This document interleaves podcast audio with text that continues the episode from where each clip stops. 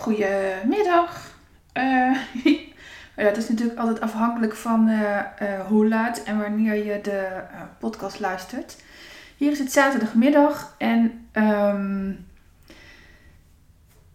deze podcast wil ik met je delen omdat die gaat over dooddoeners.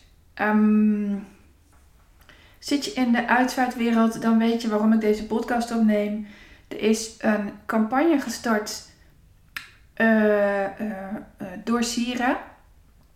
Als je nu naar sieren.nl gaat, dan, um, dan zie je op de homepage zie je de campagne. En um, ik heb getwijfeld of ik het hierover zou hebben, omdat ik onwijs klaar ben met mijn verhaal van toen. Maar tegelijkertijd is dit wel mijn expertise en die heb ik te delen. Um, onvoorwaardelijk. Als ik hiermee maar één iemand kan bereiken die iets aan deze podcast heeft, dan uh, wil ik die persoon bereiken. Ik, ik ben het verplicht. Um, ook omdat ik vind dat veel te veel mensen hun mond houden. En um,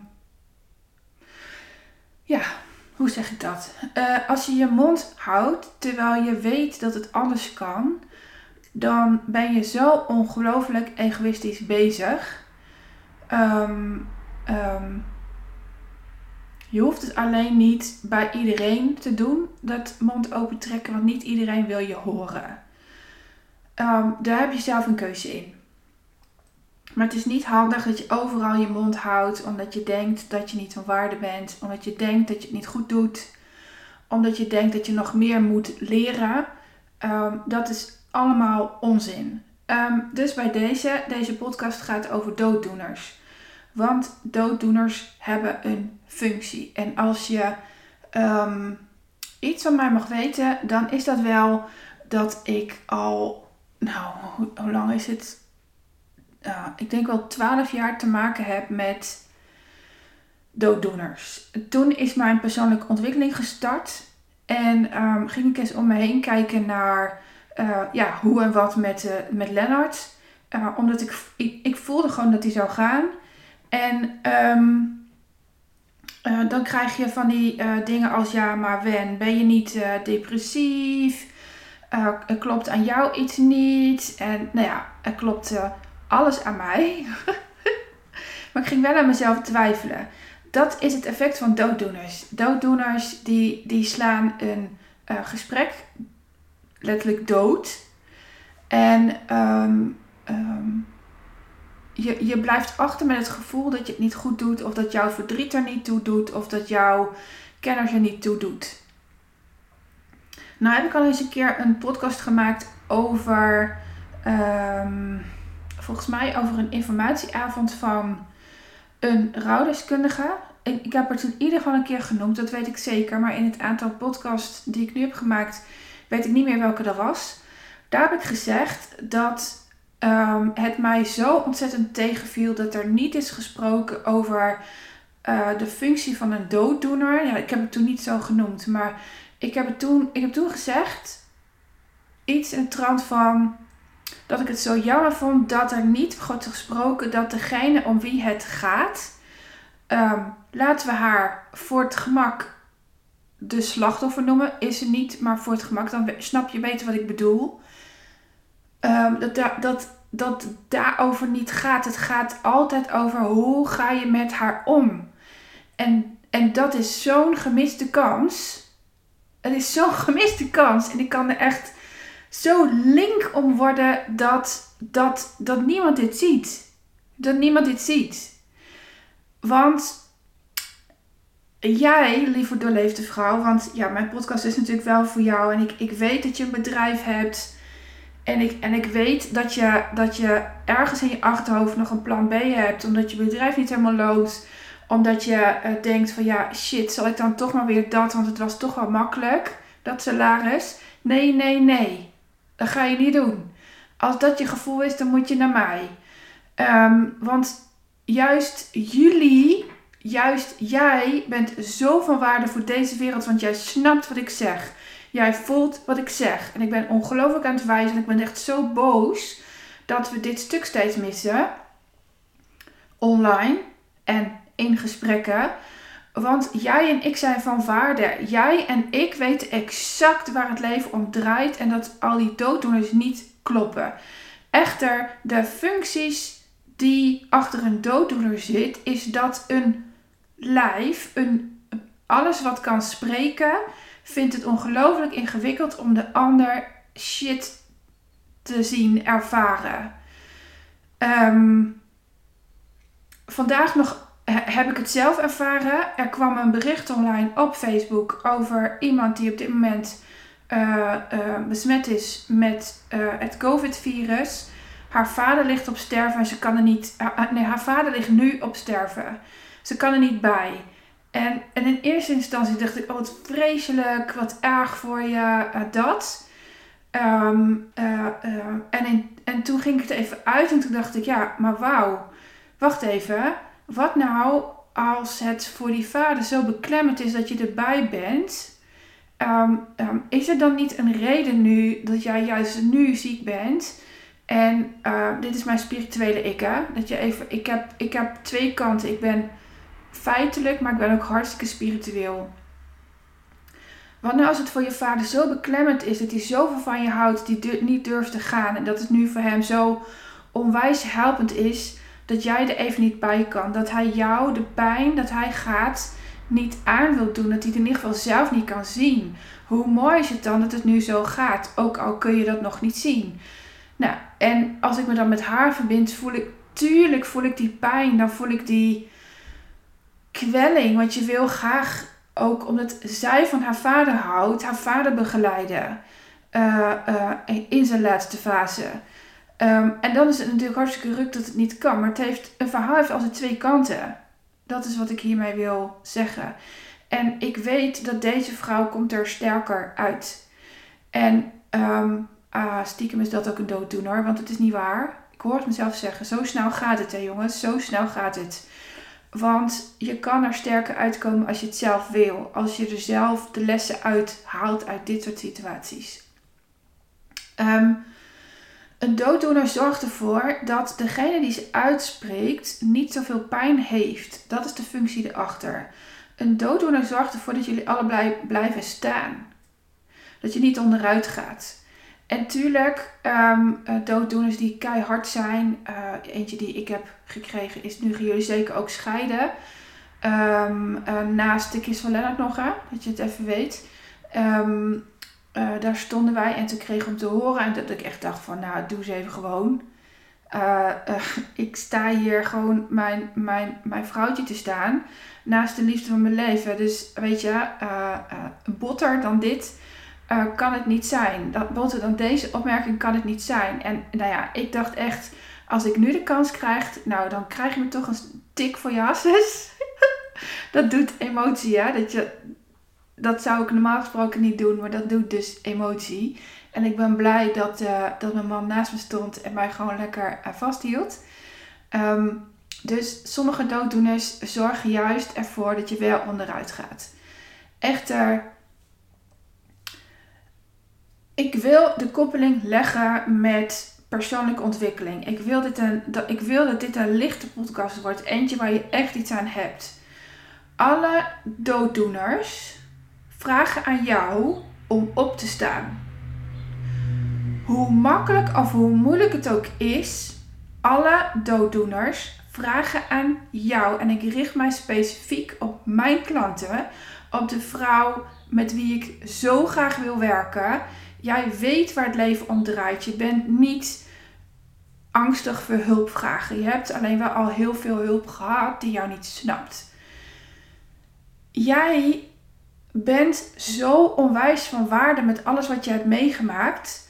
Ehm, en dat, dat, dat wil je doorgeven in jouw bedrijf. Echter, alle dooddoeners die jij vanuit je omgeving krijgt, ehm, zou je dit wel doen? Weet je het zeker? Heb je er wel over nagedacht? Um, maar lieve schat, ik zie je worstelen. moet je hier wel doorheen? Je hebt dat al zo erg gehad. Ehm, die komen zo vaak van geliefden van ons dat ze vragen om jou op om, aan jou om op te staan. Om, om zo in jezelf te geloven dat, dat, nou, punt. Om zo in jezelf te geloven. Ik ben zo boos en tegelijkertijd zo enthousiast. Ehm, jij bent degene die hun mee te nemen heeft in jouw ontwikkeling. Als jij opstaat, gaat jouw omgeving erin mee. Dat is bij mij gebeurd, dat is bij al mijn klanten gebeurd. Uh, uh, um, tegelijkertijd uh, heb ik niks te bewijzen, hè? want dat is wat je gaat voelen als je dit luistert. Je hebt het idee dat je moet bewijzen. Nou, dat is niet. Dat, want, want dit is een dun lijntje. Het is, het is geen bewijsdrang. Um, je, laat, je, je, je laat jezelf opstaan. Je gaat opstaan omdat je voelt dat je iets voor die ander hebt. Daarvoor heb je niks te bewijzen, want alleen al jouw ervaring en hoe jij in het leven staat, hoe mooi jij bent van binnen en, van binnen en buiten, is bewijs genoeg. Als je namelijk in die bewijsgang gaat zitten, ga je trekken. Ik zou hier dus ook, net zoals de hele wereld en net zoals die campagne van Cezire doet, het kunnen hebben over uh, uh, hoe mensen met jou omgaan. Maar als, je, als ik dat zeg, voel jij gelijk dat jij in één krimpt van, ja maar hallo, ik dan. En het effect zal zijn dat jij knetterhard gaat werken om jezelf te bewijzen. En dat mislukt. Want als je gaat lopen trekken en duwen, dan um, uh, geef je je omgeving gelijk. Dan, dan zul je op een moment denken, zie je wel, dit, dit, dit lukt niet. Ik ben een mislukkeling of ik weet niet goed genoeg of ik doe dan toch maar weer die opleiding. Oh, ik hoop zo dat je voelt wat ik zeg. Um, ik denk zelf zo snel dat ik mijn draadje weer eens kwijt ben. Jullie kennen mij hè? Dat, ik pak hem zo weer op.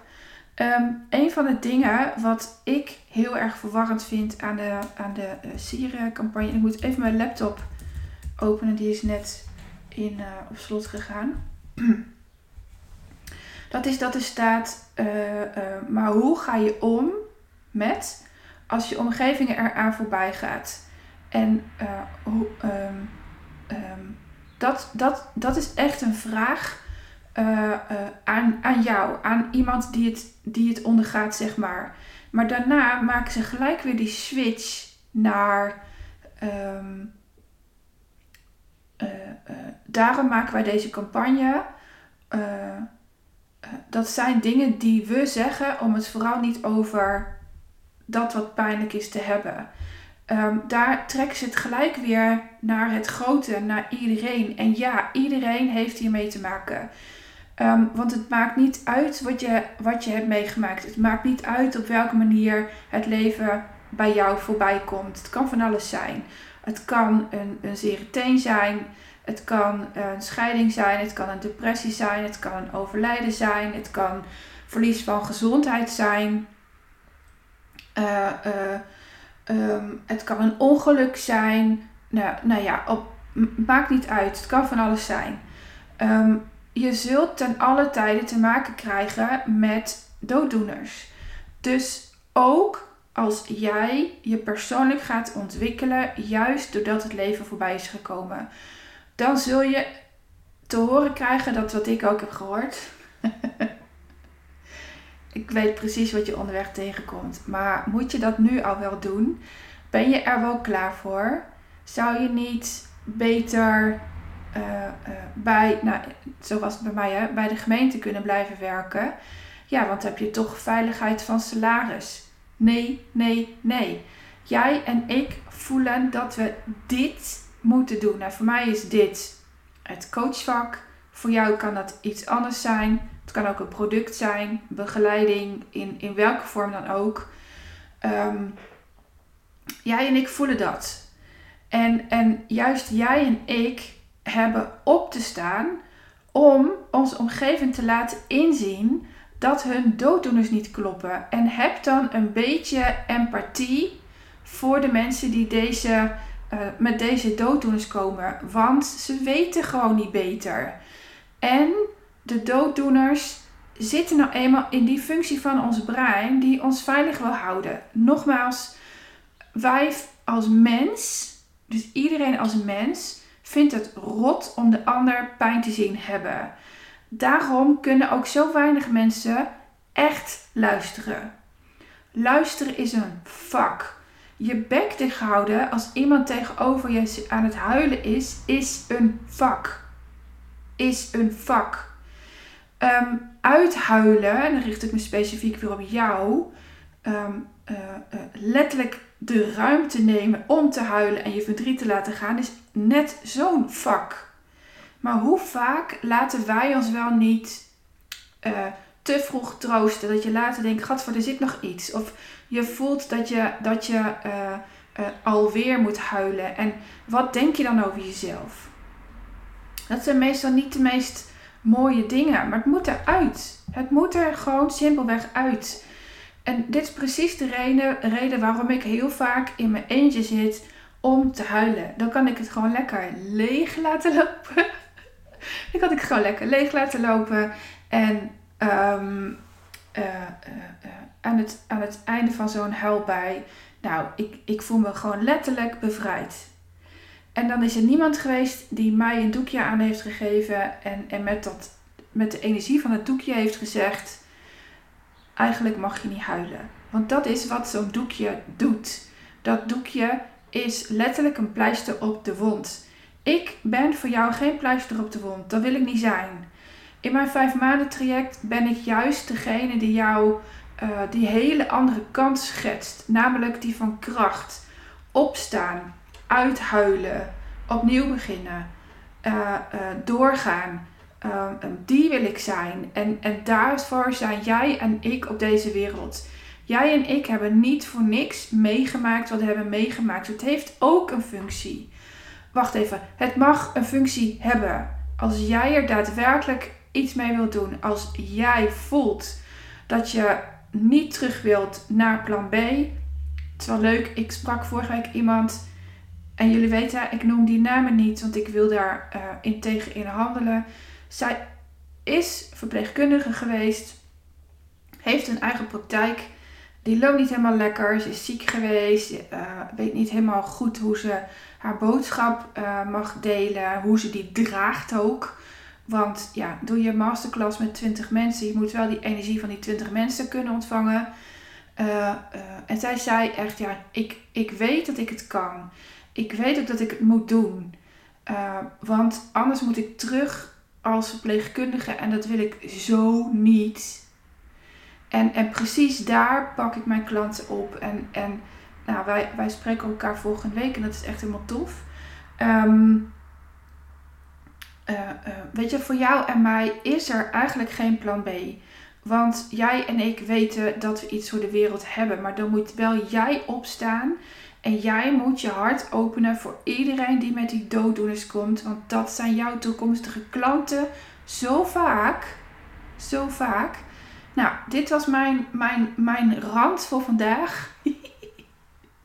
oh ja, ik vergeet iets. Ik, er moet iets bij. Um, in de campagne wordt gevraagd om je dooddoener te delen. En um, ik weet niet zo goed wat daar mee wordt gedaan. Echter, dat is in mijn waarheid. En wil je alsjeblieft onthouden dat dit mijn waarheid is? Jij mag er anders over denken. In mijn waarheid is dit kleutergedrag. De na na na na na. Uh, uh, in mijn waarheid is dit hetzelfde als dat uh, de politiek van burgers verwacht om foto's te nemen van velden die met dat gif behandeld zijn, waardoor het veld geel is.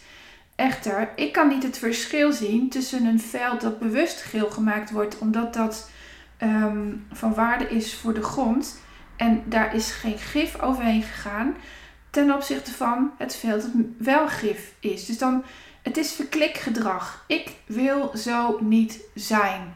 En um, ik wil daar heen tegen handelen. Dus um, nou, heb ik toch iets gezegd wat ik van de campagne vind. Op zich is het goed, hè? Op zich is het goed dat die er is. Um, echter, mijn expertise zit wel hierop. Ik ben op deze doen is mijn praktijk begonnen. Het ging compleet per ongeluk.